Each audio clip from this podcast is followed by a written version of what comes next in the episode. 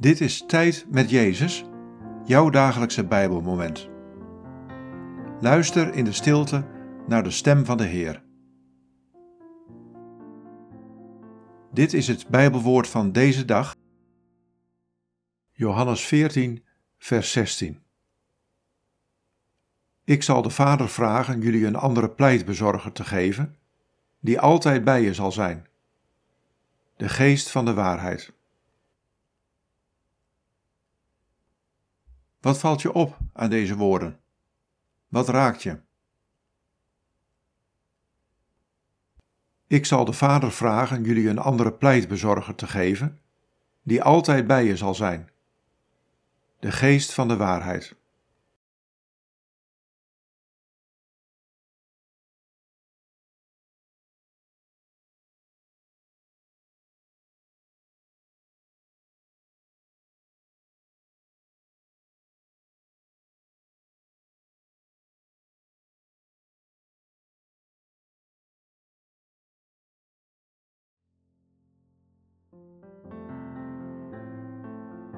Ik heb je mijn geest gegeven. Hij is altijd bij je en zal altijd bij je blijven. Ook als je zelf soms denkt dat je daar niks van merkt. Vertrouw erop.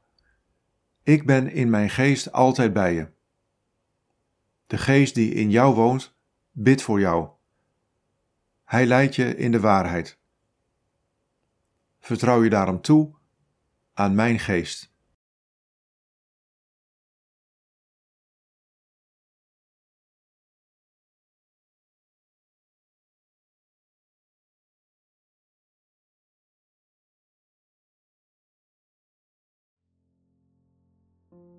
Bid deze woorden en blijf dan nog even stil in de aanwezigheid van Jezus. Jezus, dank u wel dat uw geest altijd bij mij is.